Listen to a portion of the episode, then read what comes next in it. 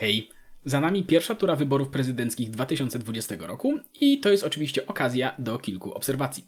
A więc po pierwsze, mieliśmy rekordowo wysoką frekwencję. 64% m, to jest najwyższa frekwencja w wyborach prezydenckich od 20 lat.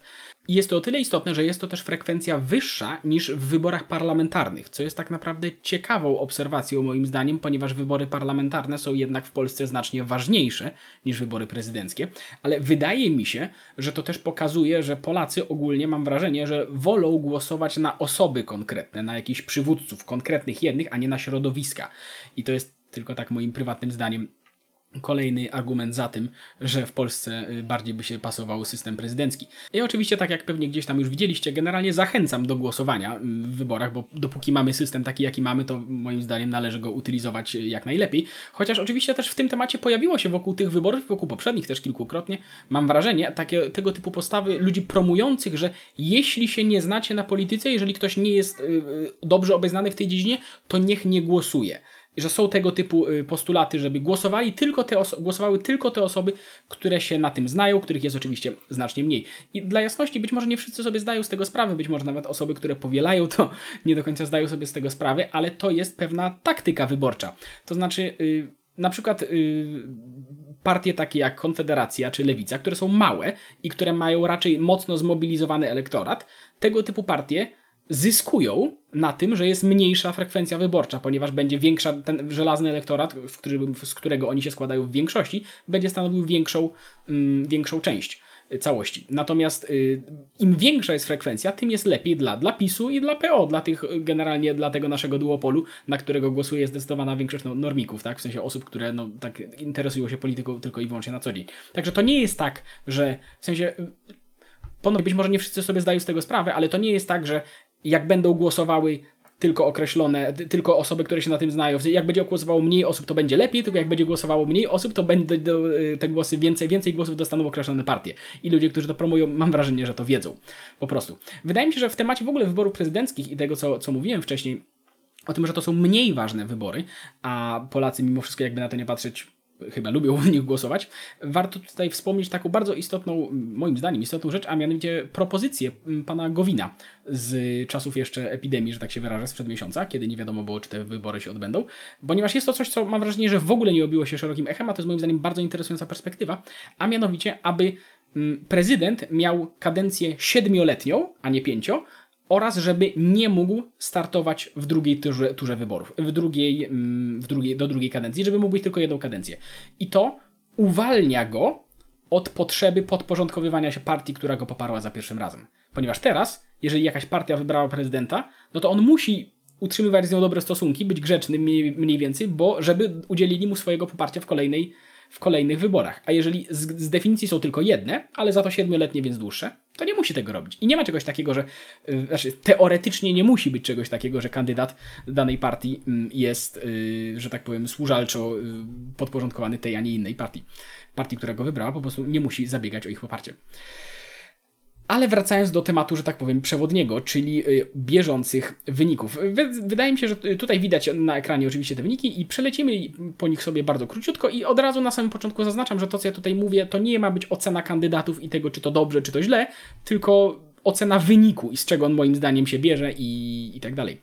A mianowicie, no oczywiście wygrał prezydent obecny Andrzej Duda z poparciem ponad 43%. To jest ogólnie rzecz ujmując, na pana Dudę zagłosowali ludzie, którzy, uogólniając oczywiście, którzy uważają, że jest dobrze. Podoba im się obecna sytuacja, chcieliby, żeby obecny stan był kontynuowany i tych ludzi jest ogrom. Czy to się komuś podoba, czy nie. Warto też zwrócić uwagę, że to jest ogromny, yy, ogromny postęp z perspektywy y, pana Dudy, w porównaniu do poprzednich wyborów, do pierwszej tury poprzednich wyborów 5 lat temu, ponieważ wtedy uzyskał w pierwszej turze 34%, a teraz już w pierwszej turze 43%, to jest prawie o 1 trzecią wzrost, to jest naprawdę bardzo, bardzo duży wzrost, czyli generalnie, no ponownie, czy to się komuś podoba, czy nie, yy, ludziom się, ludzie doceniają to, co jest teraz i chcą, aby było tego więcej. Przynajmniej tak, yy, tak, tak to sugeruje. Kolejny pan Trzaskowski, który mm, jest interesującym zjawiskiem, ponieważ o 30 ponad procent to jest też duży wynik, zwłaszcza, że jego poprzedniczka pani Kidawa Błońska gdzieś oscylowała w okolicach chyba 2%, o ile dobrze pamiętam, więc generalnie jest to y, wynik jak najbardziej z jego perspektywy dobry. Jest to bardzo interesujące, ponieważ pan Trzaskowski y, zgarnia głównie y, elektorat anty, prawda? Elektorat y, przeciw ludzie przeciw temu, co, przeciw obecnemu systemowi, to są, głosują na niego głównie ludzie, którzy, którym się nie podoba tak jak jest i to jest raczej, że tak powiem, elektorat negatywny, to znaczy oni, to jest głos raczej przeciw komuś, aniż, aniżeli y, za czymś. Skąd to wiemy? Wiemy to między innymi stąd, że pan Trzaskowski y, program wyborczy opublikował dwa dni przed głosowaniem, w zeszły piątek. Pan Trzaskowski w ogóle nie miał programu wyborczego wcześniej i to jest, y, powiedziałbym, że bardzo mądre posunięcie z jego perspektywy. To znaczy, jeżeli on nie próbuje przyciągnąć ludzi do siebie ze względu na swoje postulaty, tylko ze względu na bunt przeciwko PiSowi i to wygląda na to, że też działa, ponieważ tak jak mówię, to jest dobry wynik. I wydaje mi się, że też również na jego wynik przekłada się y, spora część tej dodatkowej frekwencji, ponieważ tak jak mówię, frekwencja jest wysoka. Wydaje mi się, że część przynajmniej tej dodatkowej frekwencji idzie właśnie na Trzaskowskiego. Są to osoby, które, którym się nie podoba to, że obecnie rządzi PiS i chcą po prostu zmiany. I, I dla takich osób brak programu wyborczego jest doskonałym posunięciem, ponieważ oni i tak nie patrzą na postulaty, a brak postulatów oznacza, że nie można go zaatakować za żadne jego postulaty, bo żadnych nie ma. Więc ponownie wydaje mi się, że to okazało się ewidentnie skuteczne. Dalej mamy Szymona Hołownię, czyli kandydat bezpartyjny popierany przez partię TVN, że tak się wyrażę. Y, natomiast odkładając żarty, 13% to też bardzo dobry wynik jak na kandydata bezpartyjnego i wydaje mi się, że tutaj jest y, efekt taki, jaki zadziałał w przypadku Kukiza przy poprzednich wyborach. To znaczy, to jest pewnego rodzaju y, bunt przeciwko temu duopolowi PiS-PO. To znaczy ludzie, którzy mają tego wszystkiego dość, ogólnie głosowali, mam wrażenie, w dużej mierze na Hołownię. I też mi się wydaje, że jego wysoki wynik jest, bierze się również z tego, z wysokiej frekwencji. To znaczy, myślę, że przyciągnął, tak mi się wydaje, sporo osób, które nie głosowały wcześniej. Mm, I tyle. Kolejny mamy Krzysztofa Bosaka, który tak naprawdę powtórzył wynik Konfederacji z wyborów parlamentarnych, co jest, no, że tak powiem, utrzymaniem, y, utrzymaniem poziomu, więc też to nie jest ani, ani szczególnie dobrze, ani szczególnie źle.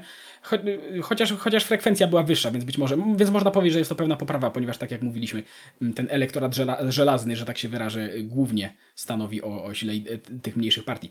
I warto też wspomnieć tutaj jeszcze o panu Biedroniu, który osiągnął 2,21%, co jest totalną porażką lewicy to znaczy chodzi o to, że oni mieli po prostu do Sejmu, mieli 12,5%, czyli no 5-6 razy spadło to poparcie. I dla, ja zdaję sobie sprawę, że to, nie, to się nie przekłada na poparcie dla partii, ale wi, wi, widać też, że po prostu pan Biedroń nie był dobrym nie, bym do, nie był dobrym wyborem do reprezentowania ich, ponieważ no ja przynajmniej, to jest taka osobiste doświadczenie, ale ja znam ludzi, którzy popierają lewicę jako partię, ale pana Biedronia absolutnie nie, no bo, no bo wiemy, co zrobił w Europarlamencie, to znaczy w sensie obiecał, że zrzeknie się mandatu europosła, żeby startować w Sejmie i nie zrobił tego i porzucił wiosnę, prawda, i no wiosny już nie ma de facto, więc, więc no umówmy się, że wyniki sugerują, że był to bardzo, bardzo kiepski wynik, ponieważ nawet w swoim rodzinnym Słupsku osiągnął on bardzo, bardzo mało bardzo mało punktów. I też, to też, może to też sugerować, że wysoki wybór, wysoki wynik lewicy w wyborach do Sejmu był też efektem głosowania właśnie anty. To znaczy, że na lewicę głosowały osoby, które były zniesmaczone tym, co się dzieje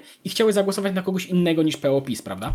I wydaje, i ja też znam sporo, wydaje mi się, osób, które w ten sposób do tego podeszło i być może w momencie, kiedy są inne opcje, na przykład właśnie Hołownia, to te głosy się rozłożyły, ponieważ to też nie, że, że to, panowie, spekuluję, nie wiem, czy to jest prawda, ale być może ten wysoki, to był bardzo wysoki wynik lewicy oczywiście w ostatnich wyborach do Sejmu.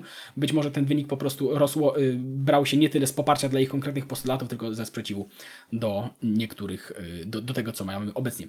Mm, no i to tyle. W tym temacie warto jeszcze zwrócić uwagę na jedną moją, y, jedną istotną rzecz, na dwie istotne rzeczy. Po pierwsze, Przyjrzyjmy się wynikom, w, jak głosowali młodzi. Tutaj najbardziej na lewo mamy osoby w wieku 18-29, dalej 30-39, 40-49, 50-59 i 60 lat i więcej.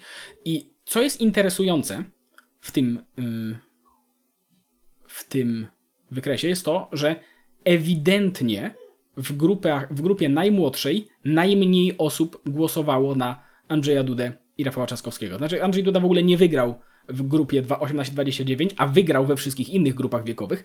Natomiast, ale pan Trzaskowski tak samo miał wyraźnie o, o 10 punktów procentowych, prawie o 7 y, punktów procentowych mniejsze poparcie w tej grupie. Więc to może oznaczać dwie rzeczy. Znaczy, to oznacza obie rzeczy. Że po pierwsze, mm, młodzi ludzie mają, są ogólnie mniej przychylni temu duopolowi PiS, o, o którym mówiliśmy, więc być może w związku z tym, gdy ci ludzie będą dorastać, to być może jest to szansa na wyrwanie się z tego duopolu, ponieważ jesteśmy w nim uciśnięci już tak, uciśnięci tak naprawdę, nie wiem, 15 lat, więc y, istnieje szansa, że być może kolejne pokolenie po prostu nie będzie, będzie, będzie gotowe zagłosować na kogoś innego.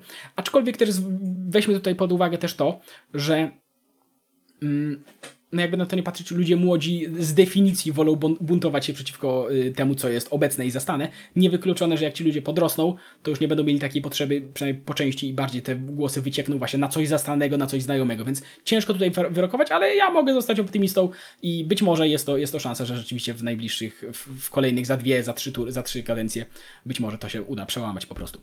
I warto przy tym wszystkim temacie, w tym całym temacie zadać sobie jeszcze jedno kluczowe być może dla wszystkich pytanie, a mianowicie kto wygra w drugiej turze wyborów. I jeżeli miałbym spekulować, no to wyraźnie wygląda na to, że będzie to pan Duda. Dlaczego? Ponieważ ma 43,67% głosów. To jest po pierwsze, to, to jest w pierwszej turze wyborów. Wystarczy, że zagłosują na niego wszyscy wyborcy Krzysztofa Bosaka. Nie mówię, że tak będzie, ale hipotetycznie wyobraźmy sobie i to już jest ponad 50%. Ja myślę, że nie zagłosują na niego wszyscy wyborcy Bosaka, ale wydaje mi się, że zagłosuje na niego sporo wyborców Bosaka i, i to powinno dać mu już powyżej 50%, a dodatkowo mm, wydaje mi się, że w drugiej turze będzie znacznie niż, znacznie, zauważalnie niższa frekwencja. A więc to 43% Dudy się przełoży na wyższy wynik w drugiej turze. I ponieważ, tak jak mówię, wielu ludzi, którzy na przykład głosowało na Hołownię, ponieważ nie chciało głosować na PiS i PO, część z nich myślę, że nie pójdzie do drugiej tury wyborów. Więc i tak samo część tych, tych, tych, którzy głosowali na mniejszych kandydatów. Więc frekwencja na pewno będzie niższa. No jak ktoś głosował na Dudę w pierwszej, no to w drugiej raczej też na niego zagłosuje. Więc spekul... Raczej na chwilę obecną sugeruję, sugerowałbym, że Andrzej Duda jest zdecydowanym faworytem. I ponownie, czy to jest dobrze, czy to jest źle, to jest zupełnie osobny temat, ale nie nastawiałbym się na coś innego, chociaż oczywiście historia to zweryfikuje. Być może się mylę, jeżeli wy, jeżeli uważacie, że się mylę, to koniecznie to skomentujcie, być może nie wzięliśmy czegoś pod uwagę. Natomiast obawiam się, że tak to wygląda. I jeszcze jedna myśl na koniec. Frekwencja wyborcza w Polsce rośnie. Ludzie są coraz bardziej w to zaangażowani i te wyniki, które mamy teraz, są odzwierciedleniem działającej demokracji. To znaczy, jeżeli wam się nie podobają te wyniki, to sorry.